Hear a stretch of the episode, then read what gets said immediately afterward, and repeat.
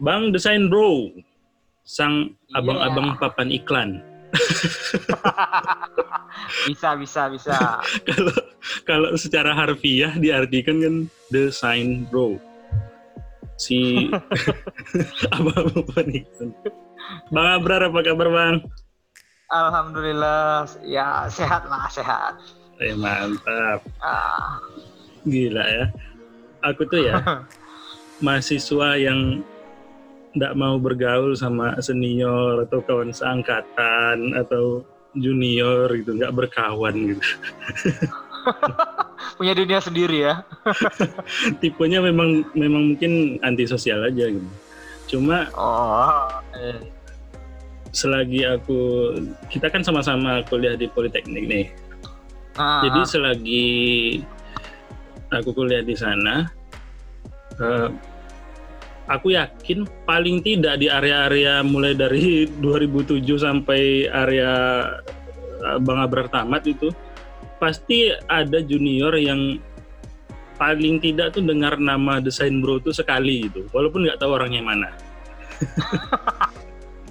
Masa sih. Alhamdulillah lah kalau ada yang pernah dengar. Karena kan membahana gitu. Bang Abrar yang Alah. mana? Bang Abrar yang mana? Desain bro. Oh tahu. Lebih kenal ininya ya, nama aliasnya ya. mungkin begitu ya yang aku lihat ya soalnya eh, salah satunya aku terus adikku kan lagi kuliah di situ juga tuh Nah, iya, Jadi- angkatan berapa? dia 2000 2000 berapa ya dia Udah lulus juga ya? belum setahun lagi berarti 2017 kayaknya Teruskan legasi lah ya. jadi dia gitu juga itu salah satunya gitu bang Abrar tahu Bim nama nama adikku kan Bima kan bang Abrar tahu bang Abrar yang mana gitu desain bro oh desain bro tahu kayak gitu Ah, dimention juga rupanya. Oh, iya. Jadi de, Bang Desain Bro, tukang nyoret, penyin, pecintanya Pak Bola. Ah, iya iya iya.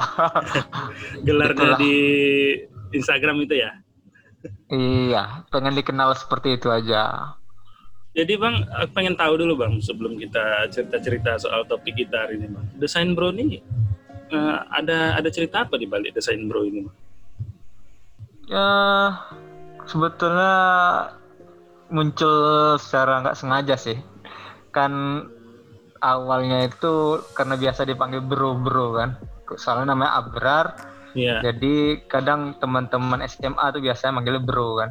Oh dari SMA Daripada udah panggil- ada panggilan itu, bro-nya Ah. tuh.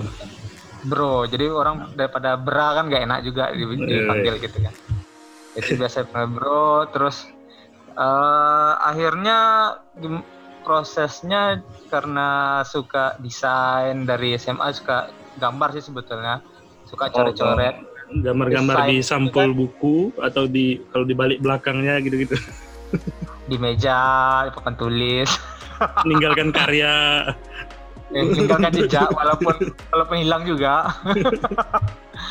Ya akhirnya desain itu kan seperti tanda tangan maksudnya kan. ah, ya, akhirnya desain ya. Terbentuklah desain bro gitu. Oh, berarti udah dari SMA Ah. itu udah nama itu ditemuin sama abang berarti ya Oh iya, kurang Oh. kurang lebih SMA menuju lulus itulah lulus SMA di akhir-akhir Oh. masa sekolah. iya iya iya iya iya desain bro itu tahun berapa bang Weh, bahaya nih kalau tahun nih. 2000 berarti 2005 2006 gitu ya 2006. 2006 itulah. 2006 sudah ini ya sudah establish punya punya sebutan desain bro itu ngebikin sebutan itu ya tapi iya. waktu itu masih sebagai iseng-isengan atau udah ada kayak ikut kompetisi kemudian nama itu dipakai atau eh, ada side job gitu nggak Kalau dulu ya eh, zaman SMA sampai zaman uh, awal-awal kuliah itu kan Ya. kita masih dunia internet itu masih sesuatu yang mewah lah ya kan. Iya, Jadi jarang. memang itu cuman sekedar alias saja. Dulu kan zaman-zaman SMA tuh tiap orang pasti punya nama julukan atau nama-nama aliasnya gitu lah. ah gitu ah, Oh. Jadi sekedar itu aja. Mulai komersil itu uh, pas internet mulai zamannya Facebook dan Friendster lah. Oh itu kalau itu tahun berapa ya? Berarti menuju 2000 berapa itu? 8, 9. Facebook kalau, aja 2008, 2007, 2008 kan mulai uh, boom. Sebelum itu kan Friendster, Friendster kan masih sekedar nama um, aja di Friendster iya, kan. Iya. Wow. Berarti, wah hebat juga ya udah, udah nentuin, udah punya nama alias sendiri. Ngalir uh, aja sih, betul bukan bukan uh, sengaja sih. Uh. Terus masuk Politeknik 2007. Betul. Kemudian um, itu masih lanjut tuh eh, kegiatan sebagai desain bro. Apakah udah ngebik mulai ngebikin akun atas nama itu untuk mempopulerkan? Kalau akun yang spesifik untuk desain itu sih kayak disengaja sih enggak. Hmm. Cuma kita udah udah sering nerima pesanan gambar sih sejak kuliah lah berarti kan. Oh, apa aja Jadi selalu gambar karikatur biasanya kan. Terus ikut oh, okay. beberapa lomba kan. Ada bawa nama kampus, terus wow. nama pribadi juga ada kalau kayak pesanan karikatur berarti kayak untuk eh, apa gitu ya ulang tahun atau uh, gitu-gitu ya atau penghargaan ah ya wow karikatur misalnya terus apa farewell ya gambar-gambar hmm. yang yang biasa dipesan orang untuk inilah kado iya iya iya kalau hmm. yang lomba itu yang kayak mana itu apa eh ini soalnya kan kalau lomba ini kan kadang-kadang kan uh, kategorinya banyak ini. Uh, uh-huh. bawa bawa style karikatur ini tadi? Ke sekarang nih atau gimana? Eh, waktu waktu dulu awal-awal ikut lomba selama uh, di Oh atau, iya. Uh, Jadi dulu uh, basicnya sih suka gambar kartun ya. Soalnya dulu belajar gambar itu make karakternya Dragon Ball. Oh, zaman-zamannya okay. Dragon Ball kan Ya. Jadi basicnya kartun, uh, anime lah ya. Iya, itu masa penemuan stylenya ya gitu ya. Nah, prosesnya seperti itulah, mulai dari kartun, okay. dari anime, kartun, terus akhirnya coba belajar karikatur, akhirnya dicoba digabung-gabungin, akhirnya kita ngerasa cocoknya di ini deh di komik komik ya komik strip lah sepertinya gitu. Oke. Okay. Stylenya style bebas aja sih sebetulnya. Iya. Tapi kan udah udah jadi ada lama-lama kan identitas itu kan kebentuk kan. Mm -mm, betul. Jadi jam terbang untuk menggambar sih sebetulnya semakin sering kita gambar semakin kita nemu gaya kita sendiri gitu. Berarti uh, udah ada mulai kepikiran ini ya kayak ini nih bakal uh, bisa nih untuk jalan hidup nih gitu. Apa dari kuliah udah mulai ngeliat itu? Atau waktu itu masih iseng-iseng berhadiah aja? Sebetul sebetulnya kuliah juga sebetulnya karena masuk PCR ya masuk politeknik ini kan yeah. karena ngelihat jurusan pas teman kami sih namanya teknik informatika multimedia. Iya. Pas pas zaman kalian masih ada multimedia nggak? Nggak ada ya? uh, di awal-awal, jelang-jelang tamat ya? udah jadi teknik informatika aja. Jadi dulu pas tamat SMA itu ngincar ke DKV. Ya. Oke. Okay. Uh, Jadi memang uh, minat awalnya sih sebetulnya di desain karena suka gambar, suka suka-suka misalnya ngelihat gambar itu nggak sekali lihat, misal diulang-ulang ngelihatnya gitu kan, suka yeah. memperhatikan lah ya. Mm. Jadi pas kuliah itu justru lebih uh, bisa nyalurin sih gitu karena oh. nggak oh. kesampaian gitu kan ke DKP iya. nggak yeah. kesampaian ya ada beberapa lika-liku hidup lah yeah. akhirnya masuk ke PCR tapi bak uh, hobi itu masih disalurkan awalnya sih nggak kepikiran bakalan uh, cari kehidupan cari cari nafkah dari yeah. hobi itu gitu. Ya ya ngalir aja sih sebetulnya. Terus uh, berarti waktu kelar kuliah uh, udah yakin tuh ya? Atau sempat nyari kerjaan lain? Kayaknya ini ngegambar nih sekadar hobi yang tidak bisa semena-mena diuangkan gitu cari kerjaan dulu lah gitu apa sempat pikirkan gitu ya pastilah apalagi kita uh, di ini ya di lingkungan masyarakat yang kalau kita lulusnya jurusan apa ya kerjanya ya di baiknya ya sesuai dengan jurusan ya. gitu kan. Ah, okay. Jadi awalnya coba macam-macam sih coba masukin lamaran coba udah sempat juga kerja di uh, jaringan lah jaringan uh, sebuah perusahaan jaringan internet apa, apa sebut aja namanya kita di Radio oh, Fly boleh boleh ya oh iya ya boleh, ya. boleh. ya lintas harta lah dulu sempat sempat perusahaan nyoba jaringan lintas internet harta. ya hmm, itu okay. kan penyedia jasa internet perusahaan lintas harta kan iya jadi ngerasa sepertinya berat lah kerjanya gitu. Iya. Bukan passion. Enggak enggak santai padahal dulu okay. niatnya pengennya kerja itu santai, duit masuk, ya saya harapan sendiri dulu. gitu ya.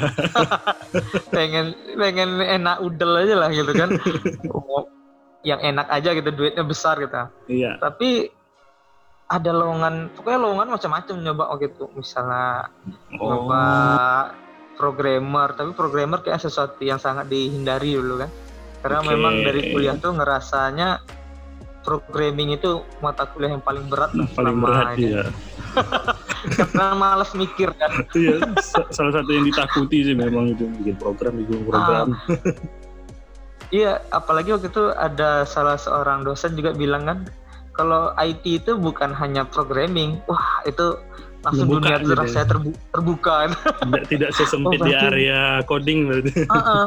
iya baru oh, iya betul juga ya gitu makanya itu kepikiran ya networking kan iya sepertinya menarik kan rupanya oh, penting juga iya, kepala iya. kita kan cocok ya akhirnya karena uh, setelah dari lintas harta itu kan jadi uh, apply ke Telkomsel Ya. Alhamdulillah Telkomsel waktu itu mungkin nggak ngasih syarat yang banyak untuk uh, jadi desainernya mungkin kan. Oke. Okay. Oh, ya, berarti keteri. udah pindah dari perusahaan jaringan masuk ke uh, apa Telkomsel yang area jaringan juga. Cuma ini udah mulai ngarah nih areanya yang uh, berhubungan dengan Nah, Telkomsel itu lowongannya sebagai graphic designer langsung gitu. Oke. Okay. Nah, jadi udah mulai ngincar nih ya bagian-bagian yang kreatif ah, gitu gitu. Jadi karena ah kapan lagi nih ada kesempatan dia nggak minta syaratnya harus lulusan DKV kan yeah. atau lulusan anak desain gitu semua jurusan bisa asal uh, bisa ini desain gitu kan syaratnya yeah. cuma itu aja kita masukin ya karena sebelumnya juga udah ada alumni kita yang di sana kan kerja duluan oke okay. jadi dia yang dia yang rekomend kita yeah. coba diterima 2012 sampai 2018 kemarin. Lumayan oh, cukup juga, kan? lama kan? ya, berapa? Enam tahun 6 lah itu kan ya. Oke. Okay. tahun, ya. Enam tahun. Ya udah nyaman mungkin di situ kan. Iya. So, pernah juga sih nyoba-nyoba ke yang lain, tapi kayaknya nggak di nggak ada jalannya kan. Ya udah nikmatin aja dulu. Berarti di di di momen setelah apa pen, uh, mengincar kayaknya industri kreatif lah gitu ya setelah udah ada pengalaman uh, di bidang jaringan atau yang sesuai dengan jurusan juga berarti ya memang ada prosesnya hmm, juga udah. berarti ya iya. oh, ya, oke okay. ya ada pernah nyoba lah gitu iya ada pernah Bet nyoba lah di sesuai jurusan kita gitu kan hmm, proses menemukan jalan itu tadi jati diri lah ya menemukan jati, jati diri. diri lah ya.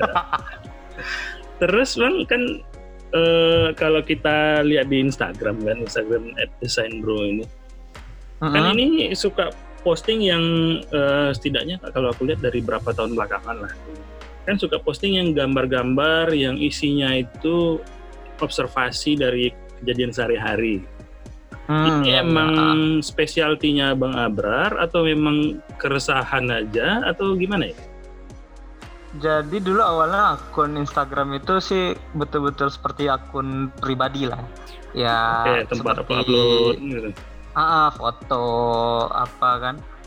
Rasanya kurang inilah kurang sesuai dengan uh, apa branding lah branding apa nama self branding lah apa personal branding. Ah personal branding. Ya. Kayaknya kita pengen bikin personal branding sebagai tukang gambar aja lah kayaknya gitu. Karena kita foto-foto kita take down semua terus oke. mulai kita mulai gambar. Ya daripada kita mikirin ide yang sulit-sulit atau cerita yang sulit Mm-mm. Uh, aku lebih aku lebih prefernya ke kejadian sehari-hari atau pengalaman atau bahkan dari cerita teman-teman sih. Kebanyakan itu aja yang dekat-dekat aja gitu. karena Makanya ini ya kadang- karena beneran terjadi Ah. gitu kan orang ngelihat Iya, betul. iya aku juga kayak gitu apa gitu ya ngelihatnya Ah ya, kita pengen apa awalnya sih mikir apa yang kita alamin ini dialamin orang juga gitu. oke. Ada nggak yang senasib gitu? iya iya. Berarti sampai mal eh, kalau dari sisi Instagramnya berarti itu menjadi identitas si desain bro ini berarti ya? Untuk posting eh, hariannya. Kayak misalnya kan Ah, Ramadan gitu-gitu atau mainan anak bersayap gitu. Aha, iya iya. Jadi sebetulnya sih niatnya sih pengen postingnya serutin gitu kan teratur. Iya. Tapi karena mikirnya karena kita orangnya cenderung lebih ke malas kan. Jadi godaan banyak kan. Iya. Begitu ada ide kadang cuma dicoret nanti di di uploadnya kapan-kapan gitu kan. oke Jadi ya kurang lebih begitu aja sih. Jadi nggak bisa konsisten lah. Itu yang sulit sampai sekarang. Oh, oh. Cuma kalau memang kalau sebagai aku sebagai follower eh, lama-lama dia kayak ada repetisi gitu. Maksudnya di kelihatan ada polanya nih. Kalau Ramadan wah siap-siap nih Bang Desain Bro mau Hmm, mau posting eh, apa kayak orang pelukan welcome apa kayak nunggu gitu welcome Ramadan gitu-gitu. karena yang paling ini sih, yang paling dekat lah dan yang itu Ah. paling paling enak. Ya aku sih kalau yang berhubungan sama ini ilmu agama sih kira biar bisa di repost teman-teman jadinya jadi ladang amal lah pengennya gitu kan Iya. jadi bukan sekedar hiburan aja gitu Oke, aku juga ngelihatnya sih sebagai ini sih, eh, itu jadi simbol yang eh, kena di kita gitu, kayak eh oh, udah mau masuk Ramadan nih hal yang kita tunggu-tunggu gitu. Atau nanti kayak orang eh, yang terawihnya kabur-kaburan gitu gitu kan. ah iya sebetulnya banyak sih sebetulnya pas Ramadan ini pengennya Jadi- tiap hari posting kita kan Kayak menunggu jadinya berikutnya Karena- apa nih gitu. Seru liatnya gitu. soalnya kan paling seru memang Ramadan sebetulnya niatnya sih pengen Ramadan Idul Adha yang hari-hari besar agama Islam gitu kan selalu Iya. kita bikin lah itu di diwujudkan dalam visual gitu kan Jadi ada message-nya ya gitu ya. Karena orang kan Ah, nge-share gitu-gitu kan.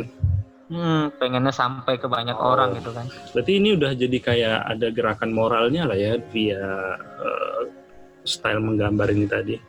kalau kita sekedar gambar sih sebetulnya bisa aja sih cuma kan kita pengennya ada meaningnya lah kan Iya, betul, betul, betul, betul. ada yang disampaikan ada yang ada yang bisa tertanam atau misalnya di dimasuk ke pikiran orang nggak lewat aja gitu kan cuma itu memang sulit sih Ada message yang memang orang setidaknya eh, ngeh, oh ini Hmm, gitu. gitu, betul. Jadi teringatkan Iya. untuk eh, sesuatu yang lebih baik ya.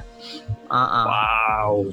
Terus em, ada kalau stylenya aku lihat kan nih style tanpa wajah atau kadang wajahnya di X, kemudian eh, outline gitu-gitu kan. Ah, ah, ah, iya Eh, apa ini memang jadi apa ya kayak specialty dari desain bro itu sendiri sekarang?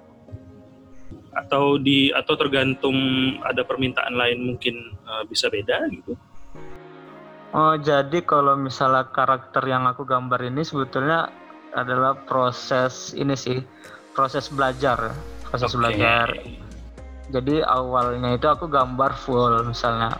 Gambar betul-betul muka hidung semua lengkap jadi ketika aku mulai belajar ya bisa dibilang aku lagi belajar hijrah lah Ya. Eh, aku nemuin bahwa eh, salah satu ya ini aku sampein aja lah ya iya Kayak- apa kan masing beberapa orang sih nganggapnya itu tidak tidak penting lah kadang kan jadi aku Oke. menemukan sebuah hadis yang uh, aku lupa perawinya siapa, cuman di, disampaikan bahwa uh, Rasul mengatakan salah satu orang yang mendapat siksa paling besar di uh, akhirat nanti adalah tukang gambar. Oh, kemudian okay. kemudian dijabarkan oleh perawi hadis ini bahwa tukang gambar sini dimaksudnya menggambar makhluk hidup secara utuh, oh, menyerupai makhluk gitu kan, secara utuh. Hmm.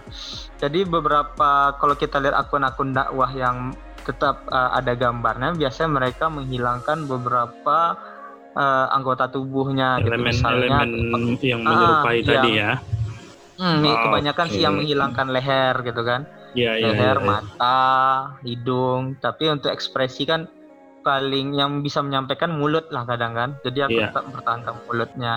Wow, tantangan juga ya kadang kalau berarti untuk ngegambar sesuatu kita tidak mm -hmm. berpangku pada ekspresi tapi uh, pesannya masih tersampaikan gitu. Kan kadang-kadang kan kayak komik strip gitu kan kalau nggak ada ekspresi kita ngebikin ini kan ngebikin si pembaca atau orang yang ngelihat itu uh, jadi punya perspektif wah ini kayaknya dia lagi begini nih gitu. Ya lagi senyum nih atau lagi sebel nih gitu. Ah itu tantangan yang yang berat sih sebetulnya. Awal-awal itu awal-awal kita gambar itu ya gimana ya kok nggak nggak kesam nggak rasanya nggak sampai gitu apa namanya ekspresinya nggak kesampaian gitu yeah. jadi akhirnya aku aku ngikutin sebuah seorang lah seorang ya ini uh, ilustrator atau desainer lah bisa dibilang. Yeah. Iya. Uh, kalau kita ya, ininya Instagramnya Muslim Show. Oke. Okay. Ada misal pernah lihat? At Muslim, Muslim Show. Show belum pernah kalau aku. Nah itu seperti apa? Nah itu. Jadi dia gambarnya uh, dia dia gambar dakwah juga istilahnya kartun dakwah. Okay. Dia gambarnya full black gitu siluet. Iya. Yeah. Uh, jadi cuma nanti kalau bisa dilihat langsung lah di Instagramnya Ya. Kalau Instagram Dia yang kayak ini kan hitam gitu-gitu ya. Ah, ya Muslim Show Indonesia. Sebetulnya sering sih kita lihat, cuma kita mungkin nggak ngeh aja kalau itu uh, memang style dia seperti itu. Ya, Dan ya. dia memang menceritakan bahwa alasan dia menggambar seperti itu ya karena inilah apa namanya hadis yang mengatakan bahwa tukang gambar itu yang salah satu yang siksa paling berat nanti di akhirat gitu kan. Jadi dia merubah style gambar uh, sementara dilemanya uh, passion atau skill itu ada di situ gitu kan ada keinginan gitu. Untuk menggambar. Ya, wow ya, hebat. agak kemarin tuh sempat kepikiran berhenti gambar karena itu kan cuman oh. akhirnya belajar belajar ketemu akun-akun dakwah lain ternyata ada solusinya begitu kurang lebih begitulah Terus bang uh, dengan penemuan style tadi kan uh, menggambar apa masuk industri kreatif, uh, kemudian bikin komik strip di laman Instagram, keluarga ngelihatnya gimana bang? Maksudnya nih kayak eh kamu nih gambar-gambar aja kerjanya gitu atau ya gantilah gambarnya nggak usah gambar orang gitu gambar yang lain gitu ada oh. ada ini nggak ada dorongan-dorongan dari keluarga untuk uh, merubah uh, style tadi nggak atau memang full di abang punya kontrol untuk menemukan pilihan tadi? Ada ada sih kan okay. kebetulan uh, keluarga juga suka uh, ini kan dari dari dulu suka ngikutin hobi oh, kita apa gitu kan. Iya, iya. Tapi supportif jadi, lah berarti jadinya ya. Ah, uh, jadi kayak kakak aku kakak beradik itu lima orang. Uh, aku nomor empat satu sampai empat itu sampai ke aku semuanya bisa gambar gitu punya style masing-masing ini turunan Cuman yang ini nggak tahu turunan mungkin mungkin karena suka baca komik dulu sih Oh, Jadi gambar, okay. gambar, akhirnya nurun ke adik-adik sampai cuman yang bungsu nggak nggak tertarik dia. Jadi jadi karena semua punya style yang beda sih nggak ada yang mirip satupun. Ada yang stylenya kayak yang cewek kakak cewek itu stylenya uh, komik-komik seperti Sailor Moon gitu kan ya komik apa namanya tuh yang ya, shoujo gitu-gitu ya yang cewek-cewek banget lah drama gitu kan komik ya. drama dulu oke okay. kalau abang aku yang paling tua itu uh, lebih seperti komiknya apa ya kalau kita contohkan dia anime cuman gambarnya lebih realis sih sebetulnya. Oh, tipe yang realis. Nah, kalau abang aku yang di atas aku yang nomor tiga ini stylenya itu dia lebih ke underground gitulah, lebih dark, tempora Oke. misalnya. Iya, iya, iya. iya. Ah, dan itulah musik-musik underground itu stylenya lah gitu kan. Wow. Punya Jadi masing-masing ah gitu. Karena kami tidak pernah menyinggung style masing-masing ya saling dukung aja sih. Wah, Cuman ya asik. pasti pertanyaan ada. Iya, iya. Gambar gambarnya kenapa nggak ada ini dah? Kenapa gambarnya nggak coba gambar yang lengkap gitu kan? Iya, Atau mirip gambar-gambar lukisan gitu. iya. Ya kita pelan-pelan lah istilahnya tidak kita salahkan lah orang yang ngasih saran cuman ya kita kasih penjelasan aja sih sebetulnya. Soalnya kan kadang kalau kayak sebuah karya apa kreatif gini, eh, kita kita udah lempar ke publik kan itu kan ada yang bilang itu udah jadi milik orang. Orang punya perspektif sama Hmm. eh, si karya ini tadi. Kadang juga eh, kita atau orang-orang yang eh, ngebikinnya tadi kan nggak bisa nentuin atau mengkontrol gimana orang memandang si karya tersebut gitu kan. Hmm, iya betul betul. Terus bang, ini kan kerjaan yang selalu butuh proses kreatif. Ah, ah, ah. Terus eh, tiap-tiap eh, ngebikin, tiap-tiap ngegambar itu eh, ngapain aja bang untuk untuk di proses nemuin eh, proses kreatifnya bang? Soalnya kan kita, aku kan kebetulan nih ada bidang yang mirip-mirip juga, cuma nggak ngegambar. Tapi selalu ada aja tantangan atau situasi yang harus kita bikin supaya kita tuh kepancing gitu bisa. Gitu. Atau Mm-mm. eh, abang ada eh, situasi yang bisa eh, aktif terus apa gimana? Se- kalau kita di ah betul proses kreatif ya. Hmm. Kita biasanya sih kalau yang bergerak di bidang kreatif pasti ada art block lah istilahnya kalau di tukang gambar dan sebagainya nih kan. Iya. Jadi kita butuh atau misalnya nggak ada ide itu sih biasa sih biasa. Kalau aku sih karena misalnya tidak aku sih jarang keluar rumah ya. Mungkin aku memang betul-betul cari ide atau apa betul-betul dari internet atau misalnya dari perenungan atau baca buku sih biasanya. Jadi memang Oke. kalau betul-betul kita lagi buntu ya biarin aja. Kalau aku orangnya sih slow-slow aja ya. Cuman apalagi kalau untuk konten-konten online ini kan aku nggak matok kalau tiap hari harus upload sekali kadang seminggu satu kadang sebulan cuma tiga kali Ya, Hmm, jadi misal begitu ada ide, aku biasanya selalu bawa ini buku gambar, buku gambar A5. ke mana-mana. Eh, Iya biasanya aku bawa ke mana-mana. Yang misalnya aku harus pergi lama misalnya kan, Iya. aku bawa buku. Jadi begitu ada ide, coret, coret. menangkap eh, menangkap coret- momennya coret- tadi ya. Ya, ini aja. Hmm betul. Aku soalnya orang ingatan aku tuh ingatan apa ya dibilang ingatannya ingatan jangka pendek. Oke. Jadi, yang begitu ada ide, lupa begitu gitu. ah, ah begitu misalnya ada ide oh iya ini gini kok kalau nggak direalisasikan ini langsung hilang gitu. Hilang ya tadi Jadi apa harus- gitu. Ah. apa tadi kan aduh kesal sendiri jadi kan makanya biasanya aku coret dulu ya sekedar aja lah Iya. nanti begitu kita buka lagi misal di rumah atau lagi santai ah, oh iya ya ada tadi ini kepikiran baru kita coba gambar nanti baru misalnya ada waktu lagi lagi santai baru gambar lagi di digital kan baru diupload gitu. Wow, kebiasaan untuk ngebawa eh, buku gambar ini nih udah sejak kapan, Bang? Apa sejak dari SMA tadi atau pa- pas sudah mulai Oh. profesional? Enggak sih, aku ngelakuinnya mungkin di sekitar 3-4 tahun belakangan lah. Ke- Ketika aku tahu bahwa ingatan aku nih sekarang kayaknya udah eh, jangka pendek aja nggak bisa nyimpan lama-lama memori udah penuh mungkin kan atau hard disknya memang kecil kan jadi gitu hal yang baru langsung hilang gitu kan Iya. jadi ya eh, aku sih ngikutin ada ini sih apa di YouTube sih biasanya ada orang yang cerita misalnya masalah dia sebagai ini apa bekerja di dunia kreatif misalnya begitu ada Iya. ide dia lupa dia nyaranin memang kita cepet-cepet nyatet nah kalau aku sih cepet-cepet digambar aja kalau Iya. nggak sempat gambar palingan aku bikin garis besar idenya misalnya eh, mau gambar ini kejadian di sini gitu kan seperti Oh, ini di, ditulis nanti gitu. digambar gini gitu Ah, ah, jadi gitu Oke. daripada hilang lagi kan Iya. Wow. Unik juga caranya. Terus eh, kadang-kadang kan kayak apalagi kayak Abang bilang tadi kan kerja di rumah. Hmm. Eh, Kebanyakan di rumah proses kreatif itu kadang untuk ngebaca juga atau membuka buku gambar.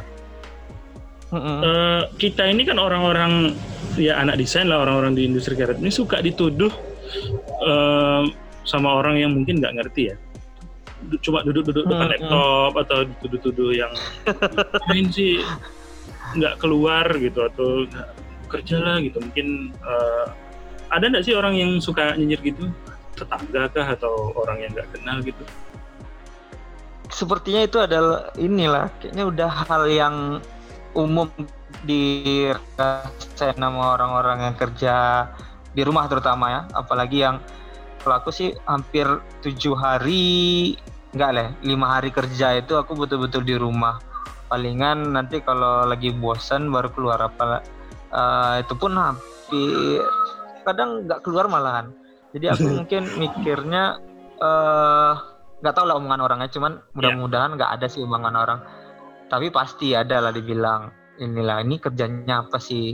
Ngapain mereka ya gitu. langsung nanya. Ada beberapa orang minggu di nanya langsung. rumah gitu iya kalau sabtu minggu mungkin kan ah, waktu sama keluarga kan jadi ada keluar kan.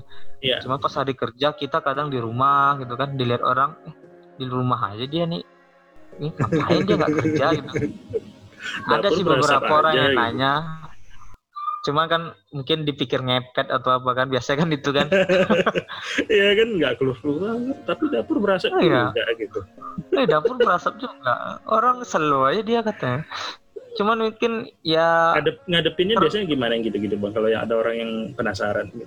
"Nah, ngapain sih katanya aku justru justru gini apa yang yang sering aku hadapin tuh eh, orang yang bertanya kerjaan aku apa gitu kan? Ya mungkin dari mungkin dari dia mikir nih anak kok di rumah terus gitu kan? Iya. jadi orang nanya kerjaku apa? Ya aku bilang kerjanya online aja gitu. Karena kalau aku jelasin aku aku kerja desain oh pertanyaan bakal panjang kan iya. Sedangkan aku aku tipe orang yang malas apalagi malas ditanya mengenai diri sendiri yang detail seperti itu kan. Oke. Jadi kadang aku jelasinnya ya ya online ada ada pesan ngerjain pesanan orang. Secara general Iya. lah gitu kita jelasinnya Iya. gitu kan. Jadi mungkin dipikir kita jualan online atau apa gitu kan. Ya orang orang pun juga mungkin eh, dengan dengan tangkapannya sendiri oh udah eh, tahun-tahun segini udah biasa kok gitu kan iya Oh, tapi iya loh kalau misalnya kau juga salah satunya kerja di rumah kan banyak kan kerja di rumah kan banyak sekali jadi sekarang sepertinya orang mulai mulai menyadari bahwa kerja tidak harus ke kantor kan gitu Iya. Akhirnya di di tahun-tahun sekarang ini alhamdulillahnya stigma orang soal yang nggak ngantor itu lebih baik, Bang. Jujur aja mungkin Ah, mungkin betul ini sekali. ini ya eh, kalau aku boleh share dikit dari pengalaman aku. Kadang memang Ah. omongan orang pedas itu kan karena mereka nggak ngerti gitu. Tapi kita kalau Iya. spend effort untuk menjelasin ke mereka, kayak kita yang kalah jadinya gitu. Kayak Hmm, betul, betul. jelasin lagi gitu. Cuma dengan berita-berita kayak mungkin orang bilang konten kreator atau ada yang mungkin menulis atau yang lain. Jadi eh, yang menguntungkan untuk kita juga kadang kita udah nggak perlu capek lagi jelaskan eh, kenapa kita bisa 24 per 7 itu di rumah gitu kan. Hmm, oh oke betul. mungkin dia kerjanya bidang kreatif gitu. Untungnya di zaman sekarang udah mulai penerimaannya. udah udah yang paling yang paling penting itu sih orang mulai menyadari bahwa ada loh kerjanya bisa dari rumah aja gitu Iya. Dan kita juga bukan sekadar apa ya eh, yang tadinya orang malas pengen nyari jalan keluar eh, supaya ndak ngantor aja sebenarnya gitu kan tapi ada sesuatu yang kita hasilkan gitu. hmm, Oke. betul. Wow. Eh, kemudian kalau ini mungkin pertanyaan umum kepada anak-anak desain kreatif atau apa-apa di bidang kreatif ya. iya udah ada anak-anak lagi aku. ke, eh, gimana ngadepin klien-klien yang ya kita sebut aja lah bawel gitu banyak minta atau yang kita tahu nih permintaannya bakal bakal aneh nih bakal kampret nih. Tapi dia dia minta nih pasti sering kan ngalami itu kan? Sering lah sering Ternyata- pasti Pak. wah ini kalau diminta ini, ini jelek tapi jelasinnya biasanya itu sering kita yang kalah gitu. Kalau dari bang Abrar Hmm. gimana pak dari pengalaman Ya awalnya sih dulu pertama kita nerima inilah nerima job dari orang. Awalnya kita ya kita merasa yang dipesannya nggak cocok lah atau apa kan kita udah bikin bagus ternyata mereka nggak suka itu kan. Ya. awalnya ngutuk pasti kan. Ya. Ah, ini orang nggak paham begitu dikasih yang yang sesuai dengan rulesnya nggak mau gitu. Iya. Pasti kesal apalagi Iya. revisi revisi akhirnya ujung-ujungnya jadi kayak ya kecewa lah kita sendiri kecewa dengan hasilnya gitu jadi mereka hasil yang senang, nggak kan? nggak kita puas cuma Ah, si betul. lawan ini suka dengan Puas, itu gitu. gitu di saat yang bersamaan Banyak, kerjaan banyak, selesai ah. tapi melukai ini kita kan melukai iya apa namanya hati Eh, hati kecil kita lah ya Heeh, Eh, prinsip-prinsip terinjak-injak lah gitu kan. Iya Ya, cuma duit sih- butuh juga. itu sih. Eh, ya asal bayar lah ya. Iya. lama-lama kita akhirnya coba aku ya aku pribadi akhirnya inilah coba berdamai lah. Berdamai Oke. sama diri sendiri sama orang itu. Orang inilah akhirnya mereka kan yang mereka mau kan ya dia kita ikutin gitu kan ya yang penting kita udah bikinin yang versi kita begitu mereka mau ya kita ikutin ya walaupun sampai sekarang masih ada kadang masih dongkol masih kesal kadang Oh Ya, berarti ini- abang nggak tipe yang netapin standar eh, saya seorang desain bro itu menggunakan gaya yang seperti ini gitu.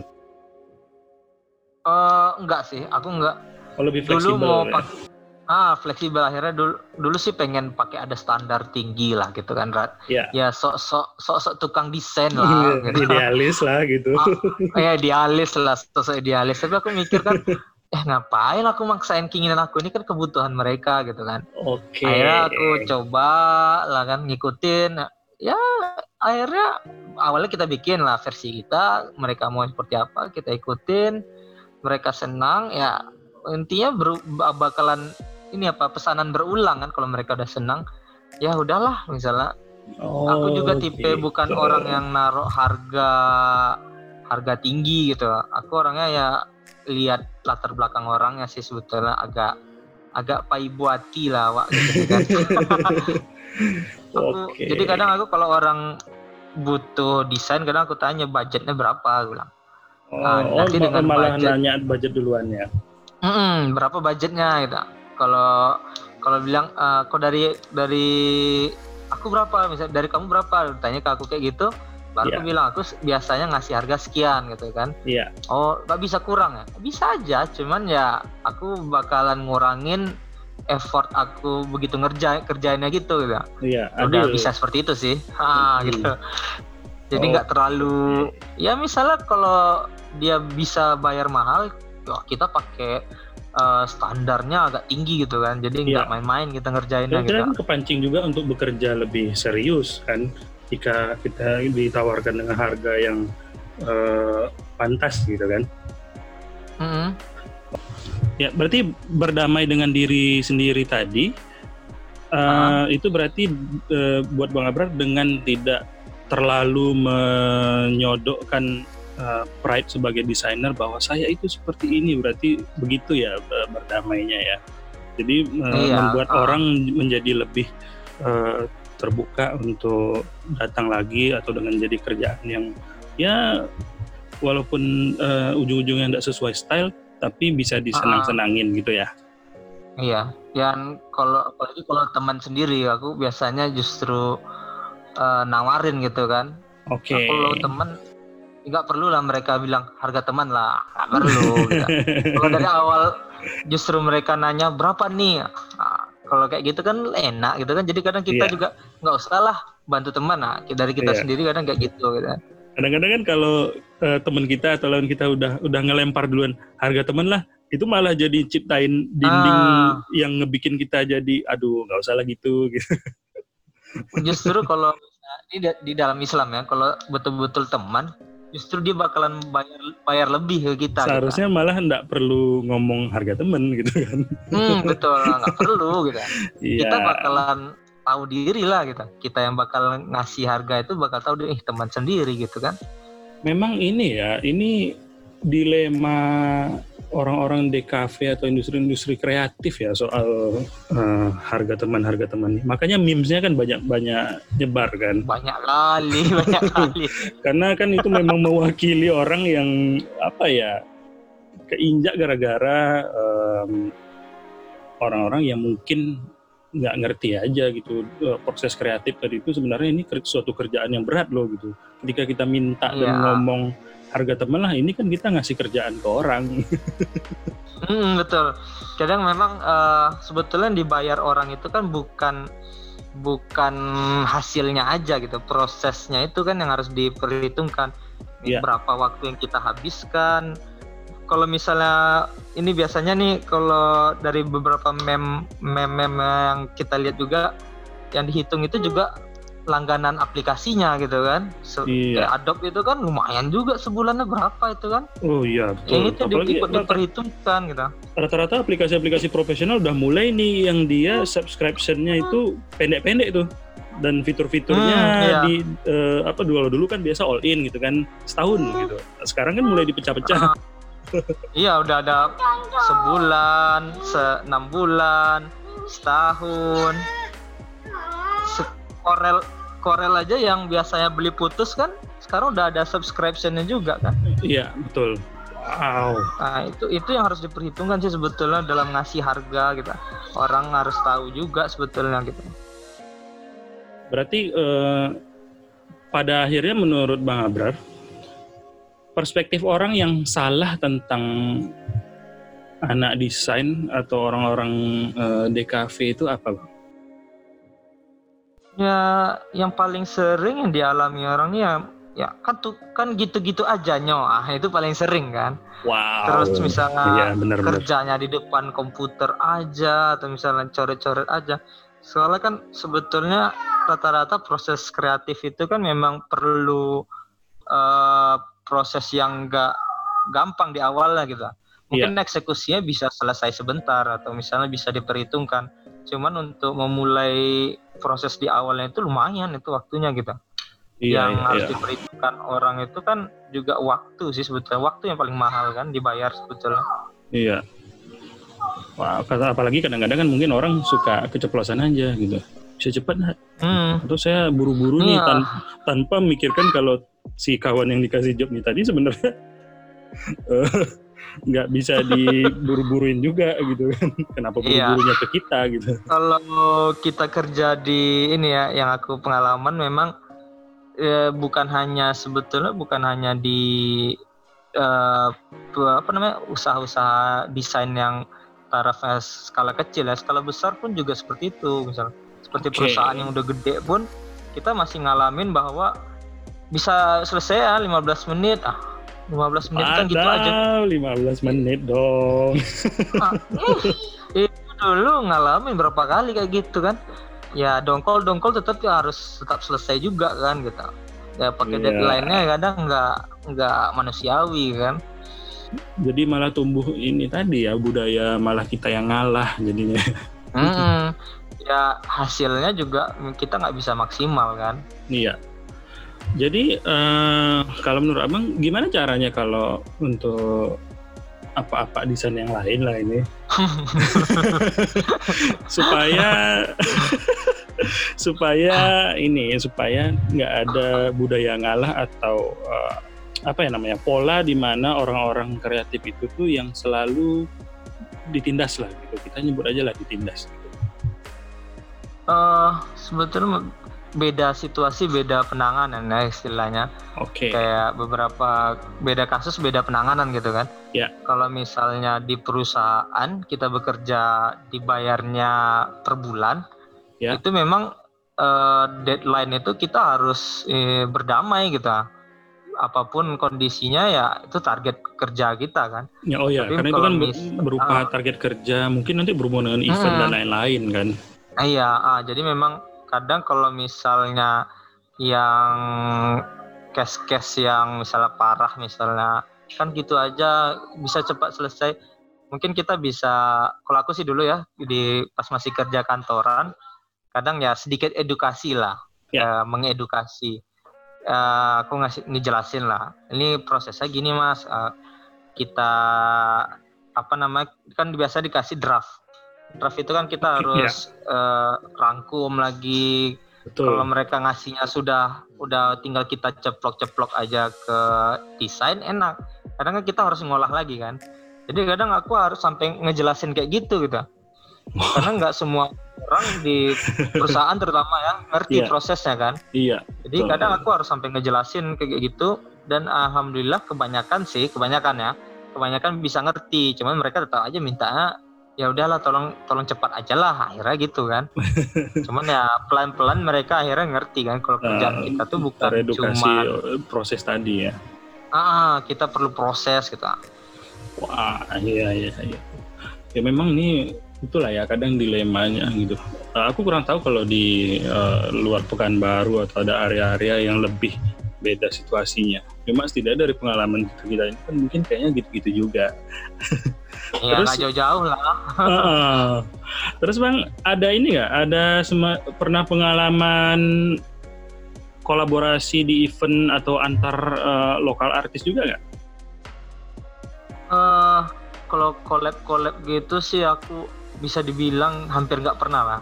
Kalau aku bilang soalnya aku tipe orang yang nggak bisa apa ya kalau lagi musim-musim sekarang di, orang bilang introvert kan nah, aku hampir yeah. kayak gitu self, lah self diagnose uh. jadi aku orang yang malas malas lah berhubungan sama orang dalam waktu yang lama apalagi baru kenal gitu yeah. ya apalagi uh, harus mengerjakan sesuatu yang pakai ini gitu yang harus ketemu banyak orang atau misalnya harus diskusi sama orang apalagi okay. cuma online aja itu malas sekali kalau okay. ketemu orang orang masih mending aku masih bisa kenalan dulu bisa ngobrol gitu kan Iya. Yeah. Tapi kalau misalnya collab online gitu aku ada sih beberapa ditawarin diajak, cuman aku biasanya ya mundur-mundur perlahan lah bilangin. Oh, Aku nggak nggak nggak pernah, aku belum bisa. Ya paling ya penolakan halus lah. Iya, iya, iya. Ya. Oh gitu. Kalau event? Kalau event ada sih ikut beberapa seperti eventnya Bang Dan dulu pernah ikut. Aku hmm. juga pernah ikut komik Riau ada ngikutin berapa kali. Cuman yeah. akhirnya aku memilih kalau ada dia misalnya apa namanya dulu ya, IG live misalnya lebih milih online aja lah aku di rumah aja lah gitu. Iya iya. Karena aku orang yang nggak bisa ya kayak kayak zaman kuliah sebetulnya aku bukan orang yang suka berbahasa basi gitu kan buka hmm. topik bicaranya itu sesuatu yang malas sekali gitu kan. Cuma kalau misalnya sudah kenal baru enak nyambung gitu kan. Iya. Oke. Okay. kalau di luar ini bang kalau di luar kreatif kegiatan uh, apa aja bang? Olahraga atau komunitas? Uh, uh, aku banyaknya sih olahraga sih sekarang nih. Nah, uh, aku lihat ada dulu tuh ngebikin packs-packs itu ya. Ah ya, itu komunitas yang sayang regenerasinya tidak berjalan mulus. Soalnya uh, dulu kan um, aku potong bentar ya. Dulu kan aku lihat packs ini tahun berapa ya itu ya? Kalau nggak salah nggak lama setelah ngebikin ya? grup lain yang isinya goes-goes itu ya. Ah iya iya iya. Soalnya uh, aku kan telah join itu. tuh. ah ya, ya. kita dulu zaman zaman sepeda di awal-awal dulu heboh ya. aku telah Terus join sekarang, pas aku mulai-mulai apa udah nggak aktif lagi ke mana ya nyari orang yang goes juga. Berarti udah pindah, waktu itu pindah ke PAX ini. Apa ini PAX ini, Mas? Dulu sih PAX ini uh, sebetulnya orang-orang yang uh, anti gym lah, bukan anti gym sih sebetulnya apa ya? Yang malas nge-gym lah kadang juga ada yang pengennya apa olahraga di luar membentuk badan membakar bakar bakar kalori gitulah ya, jadi kita uh, bentuk otot sih sebetulnya hmm. sebetulnya PEX ini bisa dibilang kalistenik ya gitulah dasar kalistenik Ya. Kalau kita udah gabung juga sih sama apa namanya induk Indo komunitasnya se Indonesia. Ya. Eh, tapi belakangan ini vakum karena pertama kita kehilangan tempat pertama kan. Ka- Memang- Karena ini aku lihat-lihat outdoor gitu eh, kegiatan. Iya, kit- yang kita butuhkan sebetulnya cuman bar lah, bar untuk gantungan kan sebetulnya basicnya itu. Ya. Eh, dulu dulu kita di Brimob, terus karena di Brimob udah nggak bisa lagi, nggak boleh orang umum masuk. Ya. Kita juga sempat di lapangan Pancasila, Oke. pindah-pindah, udah sempat juga bikin bar sendiri di tempatnya. Cuman karena kebanyakan anggota kita dulu itu anak-anak SMA, begitu mereka latihan lulus, banyak kan masuk ke polisi kan, mas polisi, Ya, tentara gitu kan. Udah hilang Oh, generasinya, tinggal yang karena- kayak kayak kayak macam kami kan. Karena mereka kerja yang udah mereka yang masuk juga kan udah di areanya mereka lah kan mungkin susah juga untuk secara iseng ke sana lagi. Iya, udah, udah sus- sulit sih sebetulnya sekarang. Kalau grupnya masih Kemarin ada. sempat masih ada, sempat ada ada orang yang coba, ada teman kita lah, salah satu teman kita yang pengen coba ngelanjutin. Mm-mm. Ah, cuma karena terhalang inilah corona kemarin kan. Ya, waduh sih Ah, ya jadi susah juga sih. Lagi susah jadinya. Dia nawarin untuk ngelanjutin karena dia juga udah sertifikasi kalistenik kan. Wow, udah Mudah-mudahan lah. ya. Hmm. Dia instruktur sih, instruktur gym gitu. Iya. Mudah-mudahan lah kalau dia jadi jalanin mungkin kita main lagi gitu. Soalnya kan ini kan kegiatannya bagus gitu. Terus circle-nya tuh bisa berbenturan. Soalnya aku lihat ada orang-orang yang aku kenal juga kayak ada siapa ya Bang Hendra eh Oh, Dahen ya. eh, Dahenko eh, Instagram Dahenko sama si ini Saji aku lihat Mm. Dulu kita kita sering itu main uh, Mas Aji juga ngajarin apa namanya core, ya, basic core training kadang-kadang ini ABC, ya. ada core training juga. Cuman itu masalah tempat kan. Kita Iya, butuh iya. tempat, butuh bar. Kalau misalnya olahraga lari kan bisa di mana aja kan. Kalau ini Iya. kita butuh butuh fasilitas sih sebetulnya. Iya. Dari sebelumnya juga bergantungan ke tempat umum ya. Mm-mm, mm. Oke. Jadi memang kayak gitulah kondisinya. Ya mudah-mudahan inilah ya si komunitas tadi bisa ini. Soalnya kan kegiatannya bagus itu. Aku baru tahu ada kegiatan orang komunitas PEX gantung-gantung di besi. Bilang gantung-gantung kan, gantung-gantungan ngapain gitu kan. iya, rame-rame ngapain orang digantung-gantung foto-foto lagi gantung-gantung. asik sih sebetulnya rame dulu sempat rame cuman yang apa frontman frontmannya udah pada sibuk kerja udah keluar keluar Ya. kota kerjanya kan Iya, iya. untuk untuk bergabung lagi ngumpul lagi agak sulit lah Nggak ada dibuat kayak ini bang, Eh, Instagramnya kah atau fanpage? Eh berikutnya mau join itu. Jadi secara apa mungkin orang-orang yang satu kota ada yang penasaran ikut gitu. ada sih eh, Instagramnya masih sering kita buka kalau ada yang nanya ke masih kita jawab gitu kan Ya, kapan main lagi masih ada kita jawabin kan adminnya ada berapa orang kan masih cuman kalau ngepost kan kita nggak ada kegiatan jadi agak malu lah kan susah juga ya. Iya, Soalnya ada kan kegiatan. eh, pelakunya kan bias, bisa dari komunitas lain juga gitu. Mungkin anak-anak lari bisa atau yang suka Bisa siapa aja bisa. Apalagi kita ini juga kalau PEX ini kan eh, induk eh, induknya organisasinya bukan organisasi komunitasnya di Indonesia itu bilang kita nggak boleh pungut bayaran sepersen pun gitu. Dia Ya, betul-betul olahraga free gitu kan. Jadi siapa aja boleh join, nggak pakai membership malahan. Ya, wow keren juga itu kegiatannya. Hmm, rencana sih mau di kalau corona ini sudah damai kan, sudah udah enak, ada tempatnya, oh insya Allah dimulai lagi sih. Soalnya ini kan olahraga yang apa ya bisa menjadi basis untuk olahraga lain juga. Gitu. Iya, ini istilahnya dia kan membentuk otot-otot dasar sih. Wow, keren keren. Ya semoga inilah ya. Ya itu sepeda dulu kan, kita sepedaan dulu kan sempat sepedaan juga kan.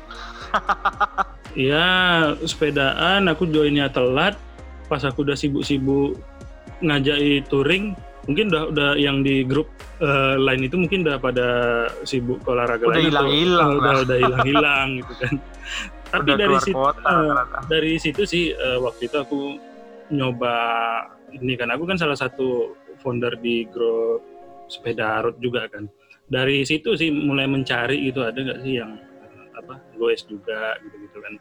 Lama-lama kan kita ini sebetulnya yang uh, komunitas-komunitas ini kan jadi jadi dalam satu circle yang gede gitu anak sepeda Iya, di dalamnya ada anak lari gitu kan Hmm, hmm. anak lari yang apa road eh, di dalamnya ada anak lari yang eh, apa eh, yang jungle run gitu-gitu kan nanti ada yang rupanya Soalnya kalau- triathlon Ah, packs di situ Kalau juga hobi olahraga ini sih sebetulnya dia nggak bakalan cuma satu aja hobi olahraganya sih. iya Nggak mungkin itu keren Cuma lari-lari aja. Biasanya mereka punya hobi olahraga yang lain kan. iya karena bisa menjadi Yang penyambung. Oh, oh.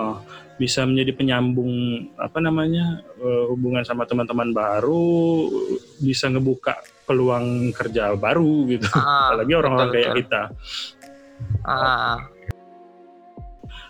Terus bang, eh, next bakal ada apa nih dari desain bro? Apakah akan berevolusi lagi dari stylenya atau bakal ada rencana untuk eh, melejitkan si desain bro ini sebagai comic strip? eh, planning sih ada sih sebetulnya. Pengen eh bikin lebih rutin lah. Pertama sih itu rutin Oke. konten. Terus kan Iya. eh, mau coba juga bikin inilah belajar ke lagi belajar sih sebetulnya sekarang bikin animasi lah animasi dua dimensi lah kan ya Wow. dari dari dari komik lah cuma kayaknya itu bakalan sulit kalau sendiri belajar kan Ya. jadi nyari nyari nyari nyari teman juga sih Hmm. Karena ini em, apa ya namanya ya? Setidaknya untuk area di sini nama desain bro itu udah udah apa ya namanya? Sudah kebentuk eh, image dari comic stripnya. Ini peluangnya bagus sekali gitu.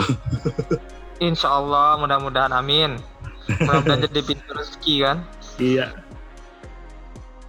Eh, terakhir bang, ah, ada tuh yang ada yang mau disampaikan nggak? Misalnya ke orang-orang yang di bidang yang sama atau orang-orang yang mungkin suatu hari bakal jadi klien gitu atau partner kerja gitu.